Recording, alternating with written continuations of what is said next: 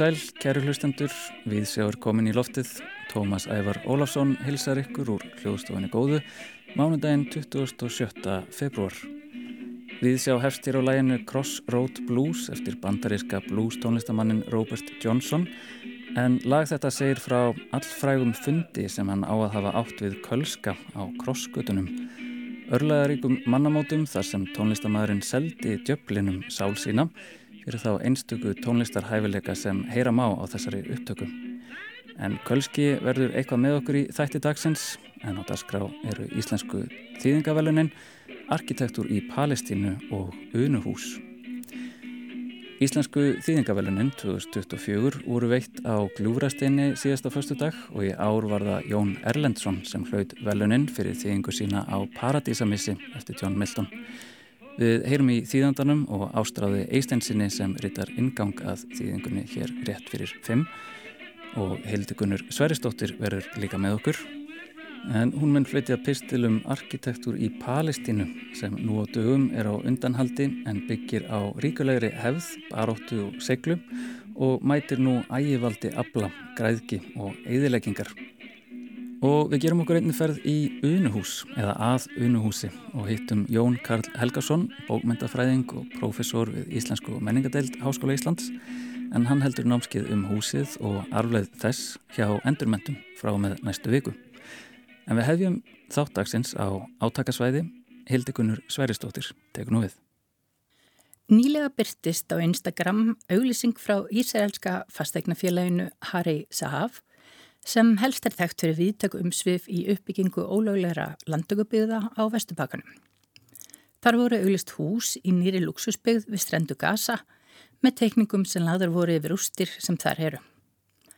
Vegna hardra viðbræða við um heim tilkynnti fyrirtæki loks að hér hefði bara verið á ferðinni létt grín. En undir yfirborðinu liggur ekki bara grín, heldur döðansalvara sem færist óðum nær yfirborðinu. Í skjali sem Wikileaks byrti lístir áþra leinu þjónustu Ísraels, Gíla Gamljál, tillöguð þremi liðum um að flytja palestinumenn með valdi til sína í skagans. Fyrum sendi þeirra Ísraels í bandaríkjunum tjáði enn fremri sjómasviðtali skoðun sína á því að palestinumenn ættu sannlega ekki að halda á liklum að gasa. Þar þurfti að koma á því sem hann kallar ábyrga stjórn og lísti frjóu landi gasa og miklum fjárfestingamöguleikum. Þótt stjórnveld í Ísrael hafi ekki líst formlegum áformum um aðgerðir á gasa þegar árásum líkur, hefur Ísraelski herin nú þegar sprengt upp 50-60% bygginga þar og í kjölfarið hafa gasabúar flúið til Rafa við landamæri Egiptalands í leita skjóli. En sprengja árásir Ísraela á tjálpúðir flótafólks hafa nú staðið yfir í nokkuð tíma. Í gegnum tíðina hafa átök geisað millir Ísraels og Palestínu þar sem þúsundir húsa eru lagðar í rúst og týjur þúsunda misreglulega heimilisín sem neyðuðu á flóta. Sum þurfa að leggjast upp á fjölskyldumæðlimi á meðan flest þurfa að setja stað í flótamannabúðum.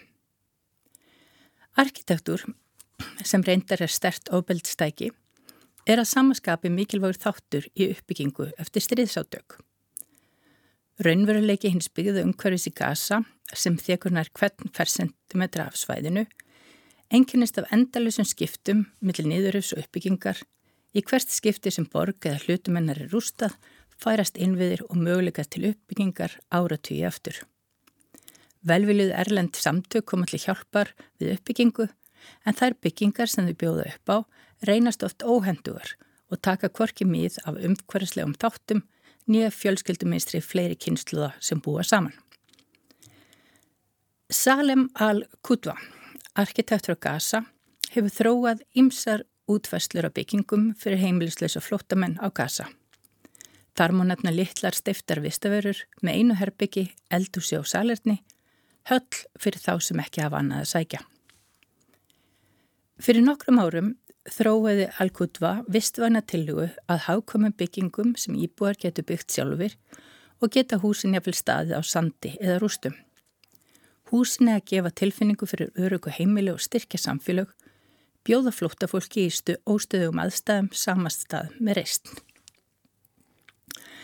Al-Qutva leggur til 35 hæðar stifta byggingar með einangrun og lausnum sem henda þörfunum, nótkunn sólavarma til að hita upp vatn, regnvatsöfnun og ringrásanótkun vass, nokkuð sem er afagaglegt á svæði sem getur hvorki reitt sér á aðgengja vatni nýra afmagni.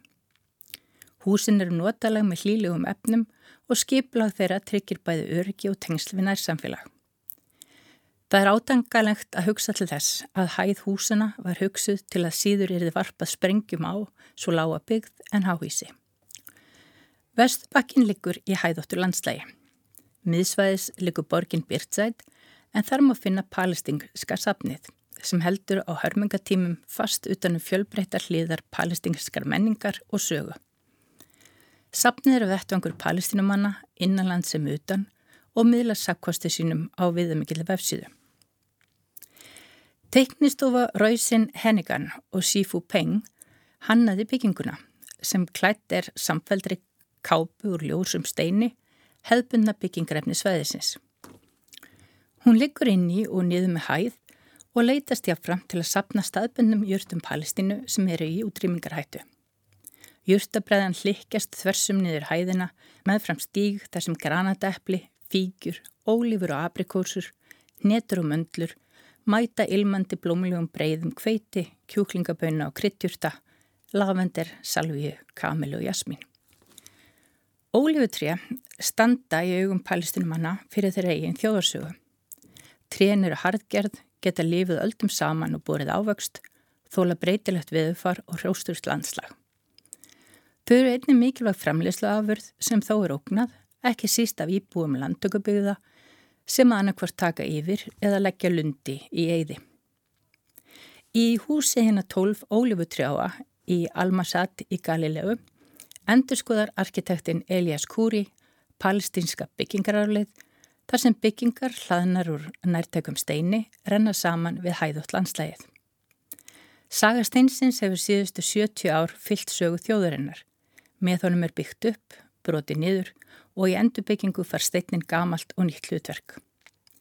Í Almasat var áður mikil ólífurækt en í dag er lítið eftir af trjám. Á ákveðnu svæði stóði eftir 12 ólífutrí, hafðu gert það í 200 ár og vorum kynsluðum manna dýrmægt. Í kringum þessu ólífutrí byggði kúri nýja tólkun á gamalli arleið og vonaðist til að taka með því þátt í endurlikum hefbundina aðferða í vistvatni nútímalegri byggingalist. En það eru að týna tölinni, byggingarnar á Gaza og með hverjum deinum verður uppbygging á vegum landflotta palestinumanna sjálfra fjarlægari. Hugtækið heima hefur sannlega aldrei verið samóðið hugmyndum um öryggi og stöðleika í hugum palestinumanna.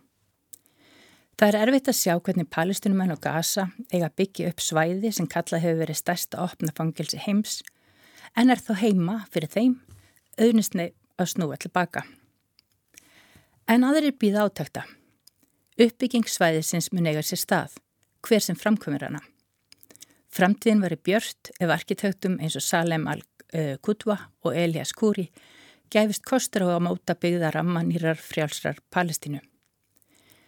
En eins og arkitektur gaggrinandin Kate Wagner bendir á, segir sagan okkur að í kjölfara mannlegra hörmunga, hversu óhugnanlegar sem þeir eru, býður kapitalið eftir að taka við með arkitekturinn sem skórsvein. Í einlægu ákallisinu byðlar hún til arkitekta heimsins að byggja ekki orðspór sitt á výuvelli þúsunda saklösra mannlífa, að eiga ekki þátti að gera blóðutrifin vettvang þjóðamors að leikborði skínandi nýra háhýsa. Þó berst annað hátt og skýrt kall frá annari konu, arkitektunum Jara Sjarif. Á heimasíðu part, samtaka um enduruppbyggingu Palestínu, er ákall til sömu arkitekta og sérfræðinga heimsins um samstöðu, um tafalausar aðgerðir yfir endur uppbyggingu Gaza. Hún bendir einni á að undir yfirborði allra átaka í heiminum liggi ásælni í öðlindir. Að það sé ekki engöngu kynþáttafordumar eða ásælni land sem reki Ísraelsíkilli þjóðarmórs og brottræksturs palestinumanna, heldur eigi þar ekki síður þátt að hafið undan ströndum Gaza geymir gas. Með arkitektur megi styrkja samfélag með því að hvetja því áfram á hanna, skipulegja og byggja hugmyndafræði endur nýðara innviða. Í hverfuleika geti leiði styrkur og segla undir möllbrotnu yfirborðinu liggja auðlindir sem hægt sé að virka. Að endur byggja samfélög innanfrá. Með því að lifa ítrekkað í óutregnarleika og forgengileika skapist segla og baráttuhugur sem hafi kraft til að græða nýtt skinn yfir gasa. Að tengja saman drauma og verki raunheimum Styrkurinn leikir líka í að þjóðin byggja gildi sín á hátt sem nálgest kapitalisma öðruvísi en að norðræðum slóðum. Þar sé eignarhald á þekkingu ekki einstaklingsbundin söluvara heldur samæginlegur výstómur til að nýta í víðu samengi. Þau benda á styrkleikan í hefðum, verkþekkingu og færni og mikilvægi þess að tryggjanum farveg og gefa nýju ímyndunar afli svigurum. Takmarkað aðgengi að efni mæti allsnægtum færni, krafts og seglum.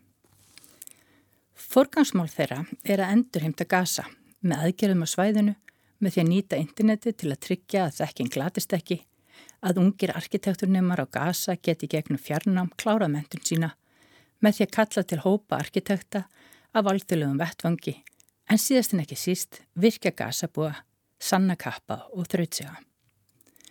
Fjölskeldurna þráið að komast tilbaka þrá að byggja upp og muni gera það krafti með hjálp frá sérfræðingum um allan heim og stuðningi hjálparsamtaka.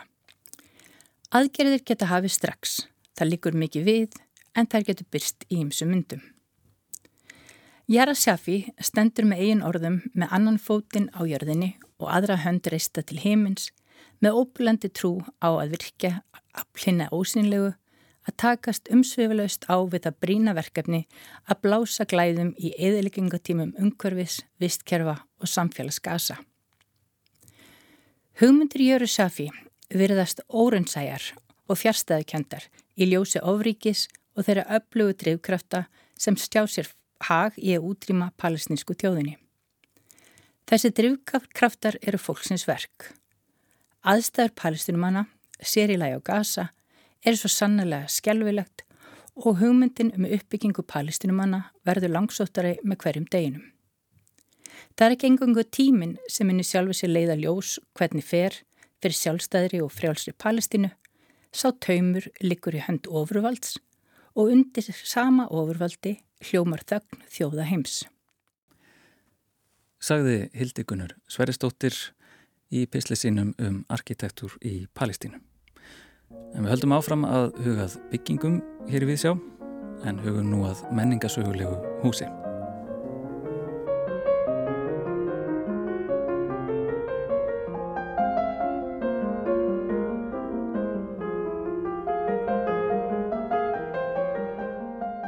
Í næstu viku hefst námskeið hjá Endurmentun við Háskóla Íslands, námskeið um sögufrækt hús, unuhús í Garðastræti. Kennari er Jón Karl Helgarsson, bókmyndafræðingur og profesor við Íslensku og menningadeild Háskóla Íslands og á námskeiðinu beinir hann sjónum að þeim áhrifum sem gestir unnuhús höfðu á Íslenskt lista og menningalíf engum á 5. áratug síðustu aldar. En þangað vöndu komur sínar listamenn á borðið Nínu Tryggvadóttur, Lúísu Mattiasdóttur, Haldur Lagsnes, Þorberg Þorðarsson og Ragnari Smára, svo fá einir síðan nefndir En tímabilið í íslensku samfélagi engendist sérstaklega af tilraunum íhaldsamra stjórnmálaabla til að halda aftur af nýjungum á sviði bókmynda og lista en einnig sterkum ástriðum rótæks listafólks í lífi og starfi. Ég mælti mér mót við Jón Karl og hitti hann við skáldastígin sem liggur upp að unuhúsi og fekk að forvittnast um sögu húsins og námskeiðið.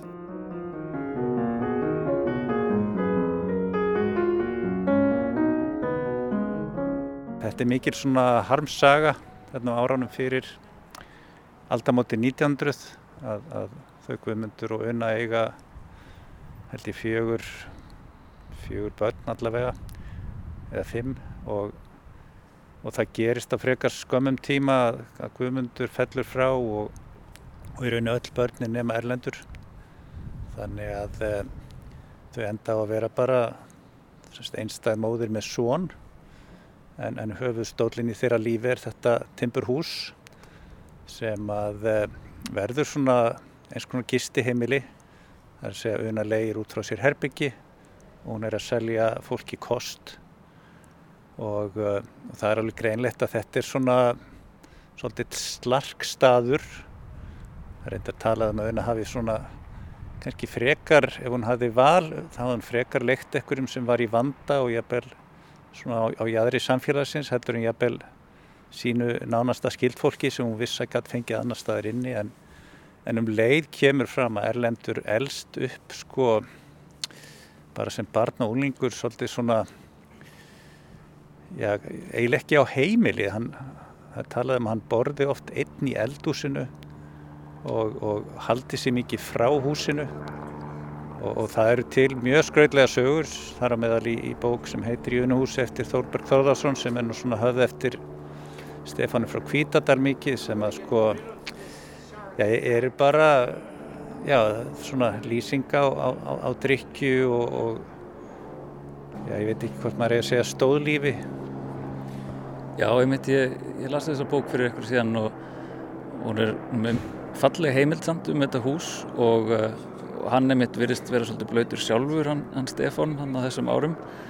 Og en þar sko breytist hugmynd minn aðeins um þetta húsa því að ég hugsaði nú aðalega um þetta sem eins konar miðstöð modernismann, það voru þannig allir þessi, allir þessi stóri listamenn sem hittust og, og kannski svona óformlegum fundum og, og rættum um modernismann og þróuðan en, en í bókinni byrstist þetta meira sem með mitt svona leigu samfélag og uh, svona hvernig var þessi hverstaður, er, er húsið þannig framannað þá? Já, þetta er eiginlega tvö svona æfiskeið hjá þessu húsi, það, það er tímabil unnu og þá er Erlendur, en segir barn, unglingur og svo, svo fer hann nú að vinna fyrir sér.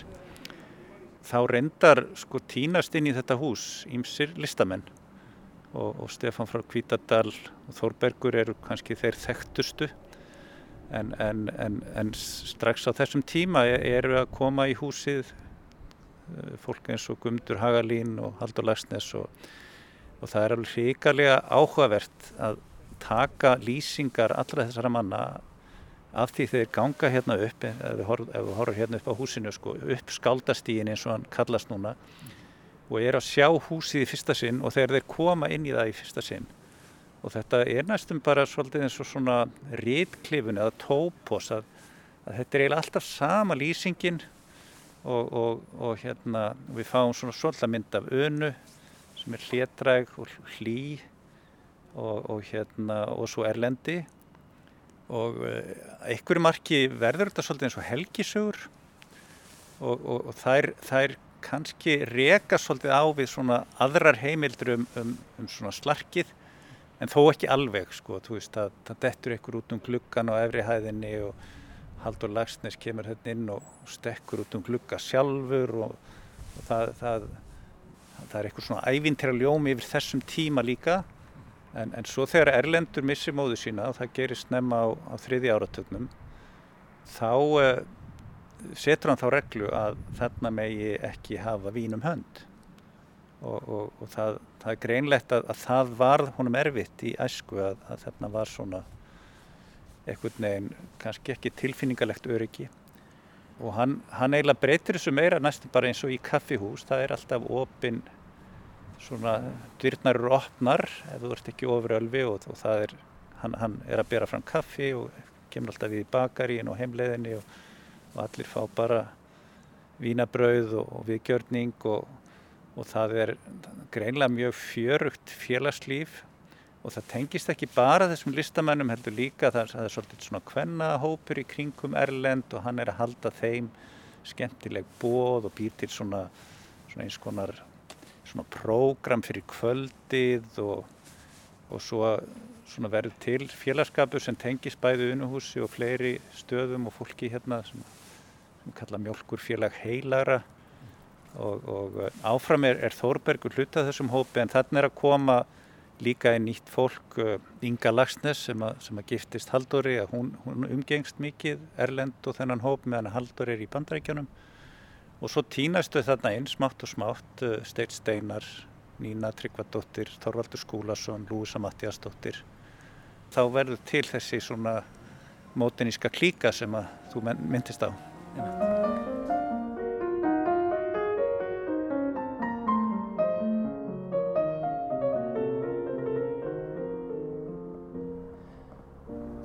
Og hérna er húsið. Hefur það alltaf verið raukt? Já, mér skilst að þetta sé liturinn sem að, sem að hafi alltaf verið á þessu húsi, kannski ekki, maður veit ekki nákvæmlega þessi. En, en það hins vegar sko lítur í dag svolítið öðruvísi út en það gerði á sínum tíma. Eh, það, það brann í rauninni næstum til kaldra kóla, held ég, 1980-90 og gestur Ólafsson sem að hér býr, að, að hann gerði það upp að miklu myndaskap þess að það hefðu kannski ekki allir tekist það á hendur sko og hefur synt þessu húsi vel. En það er líka búið að byggja þess við það hérna aft, aftan til. Og, og, og ég held í rauninni þegar það var byggt upp að það hefði kannski já það, það er kannski aðeins reysulegra heldur en það er á gamlum ljósmyndum En uh, þú ert að fara að kenna námskið um þetta hús í, í endurmentun hjá Háskóla Íslands og uh, þú hefur kent það áður Hvernig, svona, hvernig nálgastu húsið á námskeiðinu? Ég, sko, ég kalla námskeiðu unhús miðstöð listalífs á 20. öld eh, og uh, ég er í rauninni að, að hugsa um þennan stað svona sem ég má kannski líka því við svona sko burðarvirki eða innvið eða svona infrastruktúr sko í alls konar menningarstarfsemi.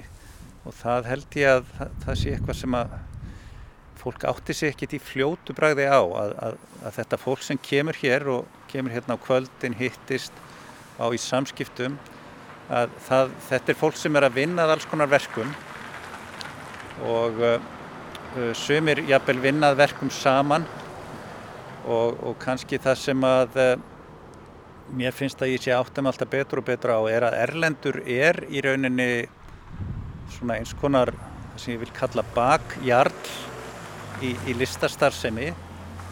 Það sem á ennsku er oft kallað patron það er líka hægt að kalla hann postula það var nú nafn sem að tónlistafélagsmenn notuðu sjálfa sig. Það er að segja að hann, hann er í rauninni sá sem er að styðja Stefan frá Kvítadal og Þórberg Þórðarsson og Haldur Lagsnes við að gefa út sína fyrstu bækur. Það er svona í þessum hópi er, er, er líka prentari og, og og svo kemur í rauninni Ragnar í smára inn í þetta svona samfélag og tekur að einhverju leiti við kepplin af Erlendi. Það er að segja Erlendur er þó hann svona í, í minningunni sé svolítið svona Jésu gerfingur næstum maður sem að sko snert ekki jörðina þegar hann gekka þá var þetta praktiskasti maður í bænum. Hann, hann er gjaldkýri uppalega hjá lauruglustjóra og svo hjá tollinum eða semst lauruglustjóra ennbætti því er skipti í, í lauruglu og toll og, og hann er einna bestu tapmönnum bæirins og, og hann er í rauninni alltaf að leysa praktísk mál, hugsa um peningamál, semja við prentsmiður og, og alveg fram á efstu ár, sko 1945 er hann aðstöða Svavar Guðnarsson við að hengja upp fyrstu abstraktsýninguna í listamannaskálunum. Þannig hann, hann er mjög virkur sko sem svona maðurinn bak við tjöldin í mörgu sem, sem framfer og, og svo þegar að komið er hérna fram á, á 5. áratugin sem er svona tímabili sem að ég hef mjög mikinn áhuga á að þá eiga íslenski listamenn sko í heilmiklu stríði innbyrðis en líka við yfir völd, sérstaklega Jónas frá Hriblu og það eru í rauninni alls konar verk sem að sko mér langar til að skoða sem að sko er eins og hluti af sögu þessa hús og það er bara, það eru myndabækur eftir Lúsu Mattíasdóttur og Stein Steinar. Fyrsta útgáfana tímanum um vatninu þá er það Þorvaldur Skúlason og Steinn að vinna saman. Það er leikrit sem Sigur Nordal skrifar sem fáir vitum sem að, sem að verði til 1945 Sigur Nordal er hluti af þessum hóp. Atomstöðu náttúrulega. Við ætlum að lesa Atomstöðuna sem er eitthvað svona dulbúin æfisaga unna hús og ímislegt annað. Og svo kannski það sem er ástæða til að undirstryka við stöndum hérna á milli unuhús sem er nummið 15 við Garðastræti og, og húsins nummið 17. En það er hús sem að Ragnar í smára kaupir á samt Torvaldi Tórótsen sem er viðskiptafélagi hans. Og þeir byggja við það hérna niður í gardin og þetta verður í rauninni miðstöð bókafólagsins Helga Fells Hérna er prentsmiðan Vikingsprent sem að prentar ekki bara bæku fyrir Ragnar heldur líka þjóðviljan á tímabili, þjóðviljin er með skrifstúr hérna. Og uh, Nína Tryggvadóttir heldur sína fyrstu listsýningu hérna í þessari viðbyggingu meðan hún er ennþá halv sko byggið og það endar á því að Ragnar kaupir unuhús af Erlendi. Nokkrum árum áður en Erlendur deyr. Og það er til skemmtileg saga því okkur þeir eru að gera það og ýmsar svona sögursagnir um það og hann einhvern veginn í rauninni tekur unuhús upp sem vörumerki á sína menningarstarfsemi og uh, og, og flytur þetta endingu með sér upp á veghúsastíð þegar hann hættir starfseminni hér og er aðeins að draga saman seglinn. Þannig að við hugsaum um unuhús sem svona eitthvað svona miðstöð eða svona burðarvirki að þá, þá áða sér í rauninni framhalslíf fram yfir daga erlendar. Um, viljum við kíkja í kirkjugarðin? Já. Já.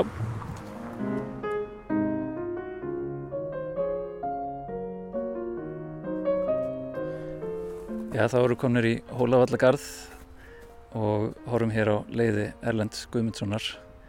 Það er mjög fallegt verk sem er hérna fyrir ofan leggsteinin. Hva, hvað getur þú sagt mér um þetta verk? Ég, þetta er högmynd eftir Sigurðun Ólafsson. Ég held í rauninni, ef ég mann rétt, að, að sko, Nína Tryggvadóttir hafi verið mjög áfram um að, að það er fallega gengið frá gröfinni en En þetta var náttúrulega mjög stór hópur náinn að vina erlendar sem mistu mikið með honum. Og, og þar ekki síst Nína sem að sko kemur svona inn í unuhús þarna á strísárnum þar Lúisa er að koma það er verið í námi Köpmannhöfn en líka verið í París og, og að því að Nína fær svona aðstöðu hérna hjá Ragnar í Smára í húsinu við hliðin á unuhúsi þá fyrir hann að fara í kaffi til Erlandar og, og brefin þeirra er alveg einstakar heimildir um, um mjög margt. Eftir, sérstaklega eftir hún fer svo áfram til bandaríkjana og hérna og mjög mikil væntum þykja og, og kærleikur þarna á milli en það kemur líki ljós að, að Erlendur ásamt fleirum er, er, er fjárhagslegu bakjarl nínu til hún komist út og uh, það eru vanga veldur hvort að hún einu að kaupa sér kannski bíl í Ameríku og selja hérna og, þá getum borga skuldina stóru við Erlend og Erlendur vinnandi hjá tollinum veit náttúrulega hvernig þetta virkar og virkar ekki. En hérna erum við í rauninni bara svona eiginlega við endan á Garðastræti hérna í gamla kirkgarðinum og, og, uh, og þegar ég var að kenna þetta námskeið í fyrra að að þá hérna uh, þá var reyndar uh, þáttaröð í útvarpinu um Erlend sem hún Sunneva gerði og, og hún uh, var líka svo rættasum að, að, að taka þess til hérna í kringum leiðið en ég hugsa námskeiði svolítið svona sem ferðalag eiginlega upp skaldastígin í áttin að, að húsinu hennar unu og og að við endum kannski við, við gröf Erlendar, hann deyr 1947 og við ætlum svona að skoða svolítið að þessum verkum sem að, sem að verða til hérna í kringum unuhús og í kringum Erlend má segja líka atomstöðin er náttúrulega einna áhugaverðist þar en, en það er ekki síður áhugavert bæði hvað gerist sko í kringum andlát Erlendar þar sem að sko skaldi eins og Þórbergur og Haldur er að minnast hans hvort með sínum hætti. Og svo fer nú ég held ég í töðunar á Þórbergi hvernig hvaða mynd Haldur drefur upp að Erlendi í atomstöðun eða þessum organista sem er ánú sér endar fleiri fyrirmyndir. En, en svo tekur eiginlega steinin úr sko þegar að skaldatími kemur út og þar eh, fær Erlendur svona sína kabla og, og þá missir Þórbergur algjörlega þólimaðina og þeir fara að rýfast um auglit erlendar og ég veit ekki hvað og hvað og, og Haldur bregst við með sínum hætti og skrifar, skrifar smásögum um þessar deilur þeirra. Og einhver leiti verður, verða kannski bara viss átökum það hver eigi minninguna um hann. Mm -hmm. uh, en í þetta blandast heldur líka deilur Þórbergs og, og Haldur sem Stalin mjög skrítnum hætti.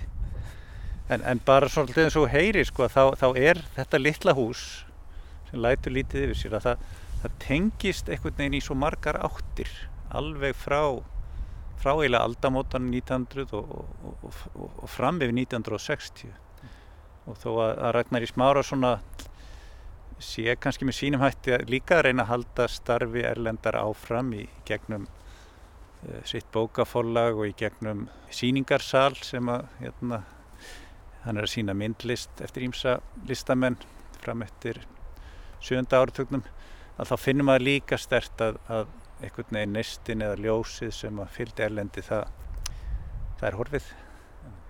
Og, og, og fólk einhvern veginn átt að sé betur á hvað þessi hlédrægi maður og lít svona, hann er ekki mikið að trann sér fram hvað hann í rauninni var samt límið í öllu lífinu sko Það er hús sem lætur lítið yfir sér og, og kannski maður sem lætur líka aðeins lítið yfir sér en, en alveg stórkostlega arfleif í rauninni sem þau skilja eftir sig.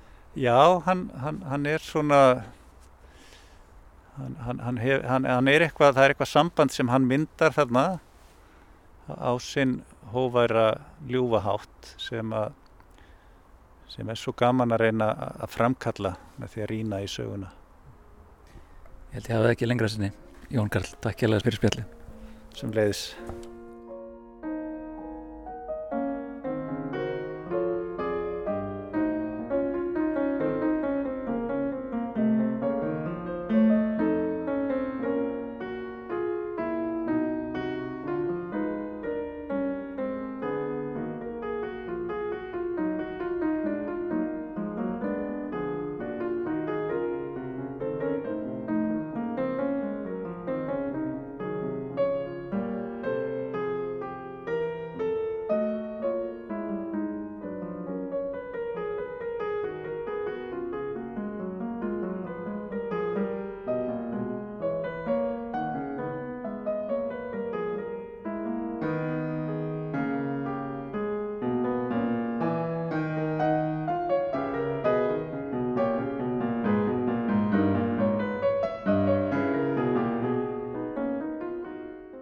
Íslensku þýðingavelunin 2024 voru veitt á Gljúfrasteini síðastliðin förstu dag. Það var fórstiti Íslands Guðinni T.H. Jóhannesson sem afhendi velunin og í ár var það Jón Erlendsson sem hlaut þau fyrir þýðingu sína á Paradísamissi eftir John Milton. Í domnend sáttu Guðrún H. Túlinjus, Elisabeth Gunnarsdóttir og Þórður Helgason. Þýðingavelunin eru veitt af bandalegi Þýðinda og Tólka í samstarfi við Rítuhundasamband Íslands og Félag Íslenskra bókaútgefanda. Þau voru sett á stopp til að minna á mikilvægi þýðinga fyrir íslenska tungu og menningu og til að heidra þýðendur sem sinna því vandasama verki að færa okkur vandaðar erlendar bókmyndir á móðurmáli okkar. Í umsögn domnemdar kom fram Það er hvorki lítið verk nýja létt sem Jón Erlendsson tekst á hendur er hann þýðir á okkar tungu Paradísamissi Miltons, eitt af höfuðverkum heimsbókmentana undir frumhættinum. Flest höfum við haft nokkur kynni af þessu verki í þýðingu Jóns á Bæis á sem þýttu undir þýðingahætti síns tíma, fornirðslæginu. Svo þýðing er góð en hún er bart síns tíma og setur nútíma lesendur oft í nokkun vanda. Nú ber að fagna því að ný þýðing hefur litið dagsins ljós og þar er ekki kastað til höndunum.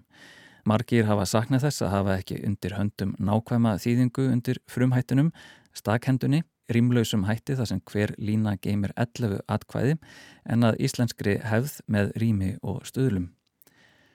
Teksti hinnar nýju þýðingar er afar nákvæmur og læsilegur og sínir oft mikla hugkvæmni þýðandans. Paradísamissir á enn erindi við okkur, þar er líst baráttu góðs og íls sem aldrei tekur enda því spillingin leikur enn lausum hala. Lúsifer er ekki af baki dottin. Þýðing Jóns Erlendssonar er ekki aðeins eljuverk heldur afreiksverk, við höfum fengið stórvirki í hendur. Við skulum að gefnu tilefni grípa niður í viðtal sem Jóhannes Ólafsson tók við Jón Erlendsson um bókina nú fyrr á árinu.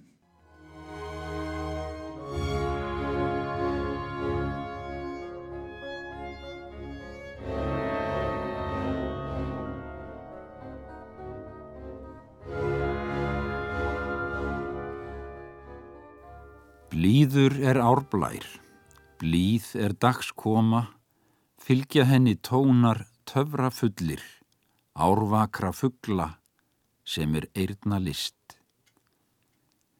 Blíður er röðull, þá er breyðir hann, austan árgeisla á unaðsfoldir, yfir grös, eikur og aldinni, sem þá deig glansa fyrir dögfalli. Blíður er sá ilmur, sem upp af jörð eftir regn, rakri, rauk í blóma. Blíð er kvöldkoma í kælu mildri og hljóðlátt gríma með helgum sér fagur röttuðum fuggli þessum. Og með mánað þeim er svo myllt lýsir meður gimsteinum er glóa svo hvervetna himins á kvelvingu, stjarna fjölfyltu föruneyti. Hér las Sigurður Skúlason úr gömlu þýðingu Paradísamissis eftir Jón Þólóksson. Ort undir fornirðislægi. Nafni hans, Erlendsson, sem á nýju þýðinguna er aðeins nær bragarhættinum sem finnum á, á frumálinu, stakhendunni eða blank verse. Jón segir að í báðum íslensku útgáðunum þurfi fleiri línur en í ennskunni.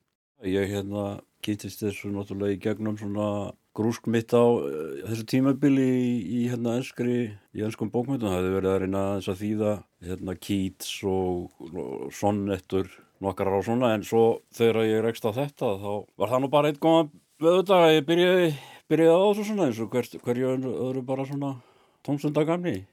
Þetta þekkti ég hérna þýðingu Jóns, eða við segja þýðingu Jóns Þorlássonar auðvitað frá, hvað var ekki 1828 eða eitthvað.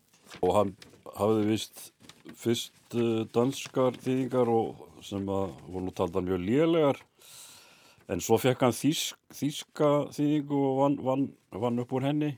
Já, hann fer náttúrulega með þetta í hérna forniriðslægi sem að mörgulítið skiljanlegt náttúrulega á hans tíma. Því að það var náttúrulega það form sem að gildi hér á svona episkum hérna hvæðum með einhverjum svona miklum frásögnum það var ímsulegt eðlilegt að hann færi í það en það er náttúrulega alveg gjur ólíkt form sko alveg, það, getur, það er kannski bara að sjá munin bara með því að bera saman fyrstu, fyrstu áttalínurnar Ertu með þetta hana? ég er hérna með þetta já, já. Hérna, uh, hjá Jóni Þorlásinni sko þá er í forniriðslæginu um fyrsta manns felda hlýðni og átlisting af eppli forbónu hvaðan óvægur uppkom döiði etens missir og allt böl manna Þetta eru átta línur, svo kemur næsta erindi en hjá mér er þetta komið í, það eru tíu, það eru tíu atkvæði hverju línu um mannskeppnunar afbrót allra fyrsta og ávöxtinn af trénu forbóðna sem dauðan bar í heiminn, pest og pínu og paradísar missi,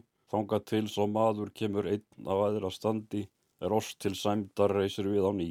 Heiminn skiðjan syng mér svo sem fyrst í sína eða hóru upp fjárhyrðinum. Og svo fræðins, áttalínur og hann, enda þarf hann í síni formi þess að klára verki þá þarf hann 37.000 línur eða 75.000 orð. En ég get komist að með 15.000 línur og 90.000 orð. En nafn okkar Milton hins vegar hann er með 10.000 línur og 72.000 orð.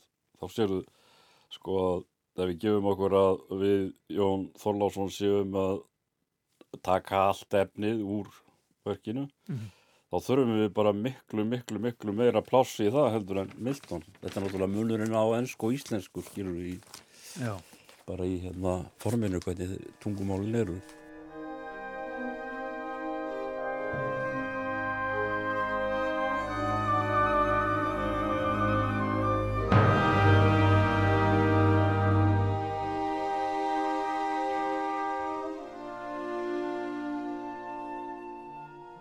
Þau sátu þarna náttúrulega, eða unnu í gardinum, Adam og Eva, í, í Paradís sem var, var, var hérna, skil, sem manni skilst á, á textanum, þess að ég hafi verið gekk út af það bara að það var eilíf sæla sem fólkst í því að sinna júrtónum þarna og, og þau voru bara tvö. Það er aldrei minnst að, að, að tíminn er alltaf afstæður í verkinu, það er erfitt að átta sig á tímalínunni. En þau hafa þetta, þetta eina, eina skilirði sem að, sem að drottin setti þeim að snert ekki skilningstrið góðs og íls og ég tekki þennan ávöxt þarna. Síðan, kemur, síðan er þessi uppbreyst þarna á himnum sem að, sem að sem sagt, öfundin verður til og, og ílskana fyrir til að Lucifer sem var einn af aðstum englánum í heimveriki að hann fer að öfundast út í það að, að hérna að drottin tilkynir allt í einu að hann sé með búin að eignast són náttúrulega en getinn, bara getur hann af sér sem hann setur hérna sem uh, næstráðanda sinn og, eða jafnráðanda í ymsu og þetta er náttúrulega frá ykkur frá kenningun í raun og veru því að sonurinn eða Messias var ekki til fyrir lungur síður. Hann er sem sagt þarna alveg orginal í himnaríki fyrst og Satan eða Lucifer sem sagt öfundast af þessu og gerir uppreist og þriðjungur, þriðjungnum af engl, það er borgar að stríða þarna mikið og, einu og tvær þrjár bækur þarna er, er, er lýsingar á því. Mm. og síðan uh, er það sonurinn sem að gerður er út til þess að, að hreinsa til hérna og hann steipurði móni í viti og viti verður búið til. Og þannig er, er ílskan komin og Satan og hans menn í, þannig er í viti sem var ekki, ekki skemmtilegur staður eða þægilegur. Og þeir sjá það eina í stöðunni að reyna að spilla sem mest fyrir, fyrir hérna drotni sem aða lofinni sínum sem að á sama tíma hafiði búið til, sendt sonin til þess að búa til okkar sólkerfi og, og jörðina og, og með þessari paradís með þessari nýju, nýja dýri sem hann skapaði sem var maðurinn. Og það, það var til þess að, að manni skilst til uppbóta fyrir þetta, þetta tjón að hafa mist þarna þriðjungin úr himnaríki og það verður bara hlutverk satt hans að, að, að skemma þetta fólk koma upp á móti drotni og til, til þess að spilla fyrir honum sem mest og þannig tælir hann, tælir hann þau eða efu til þess að brjóta þetta bann og, og, og syndafalli verður. Og þá breytist, breytist allt og afleiðingarnar eru gunnar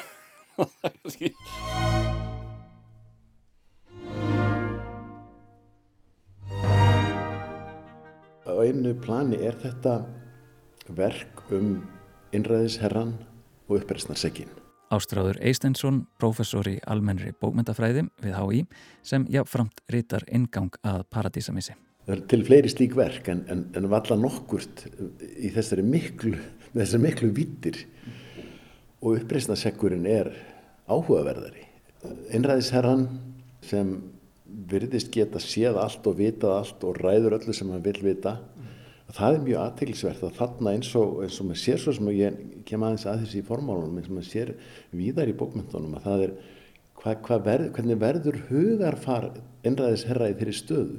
Þeir verða mjög kvikulir og, og svona dindóttir eiginlega sko. Mm. Þegar maður getur ráði hverju sem er þegar maður hefur ekki mörg uh, hvað gerist og þá sjáum við að Guð almáttum hann, hann, hann bregður þetta ráð það, það settar mjög stífa reglur og þá fylgir refsing ef að, ef að þeim er ekki fyllt og, og að, að þessu leiti er, er verkið mjög mannlegt að hérna vegna þess að, að þessir ymsir veikleikar sem við þekkjum í sögu mannverunar koma þarna fram hjá Guði almáttu og þetta er kannski áhrif frá svona þeim, þeim textum sem hann þekkti. Ég minna John Milton var hámentaður maður mm. og, og þekkti alla þessa grísku og rómversku texta og Dante og hann, hann, þetta svona þessur ægir öllu saman Já, já og, ég, og ég held að það, það er alveg hár rétt og það er sko hann, hann ákvað, ákveða lungaðan að skrifa þetta að,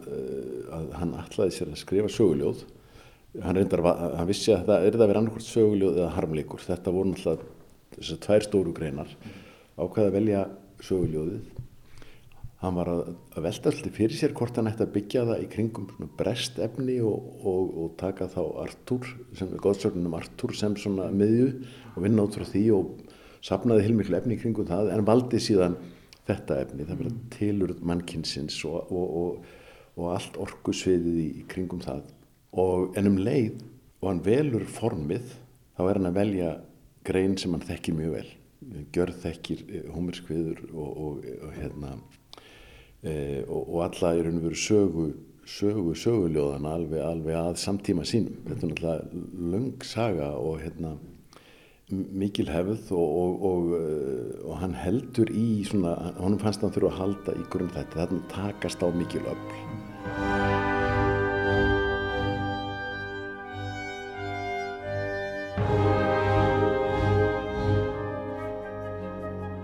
Þetta er verk sem er, það er klassíst og, og það er, það er þetta skilja það, það er auðvitað bundið sínu tíma, það er bundið átökunum þessum miklu umbrótum sem voru á Englandi. En það er svo auðvelt að, að, að sjá hvernig það tengist svona eðli slíkra átaka líka sem, að, sem við erum að verða vitnað í samtímanum núna uh, og, og bara í sögunni almennt. Og, og þetta verður svo þetta verður manni svolítið náið þegar að sko, Adam og Eva leiðast tvö út úr etensgarðinum inn í, í veröldajörðinni sem þau í raun og veru þekki ekki. Mm. nema hvað mikil ekki engil er búin að segja Adam uh, hví lík ósköp býði mannkynsins. Uh, í raun og veru fallið heldur stöðugt áfram. Við erum enn að falla. Við erum enn að falla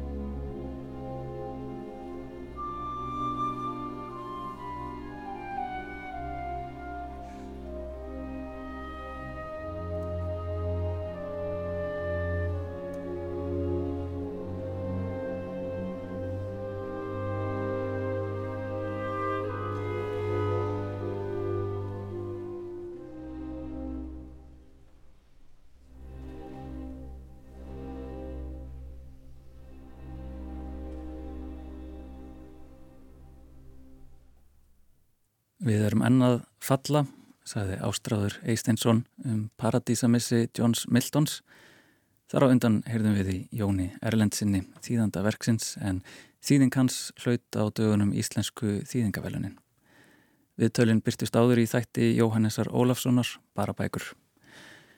Já, við erum ennað falla, þetta getur verið eins konar mantra á þeim ólgu tímum sem við lifum og það er á ólgunni sem við endum þátt dagsins Hér er lag eftir mannin sem seldi sína eilufu sál fyrir tónlistagáfur, lag Robert Johnsons Me and the Devil, flutt hér af hljómsettinni Soup and Skin. Takk fyrir að hlusta og veriði sæl.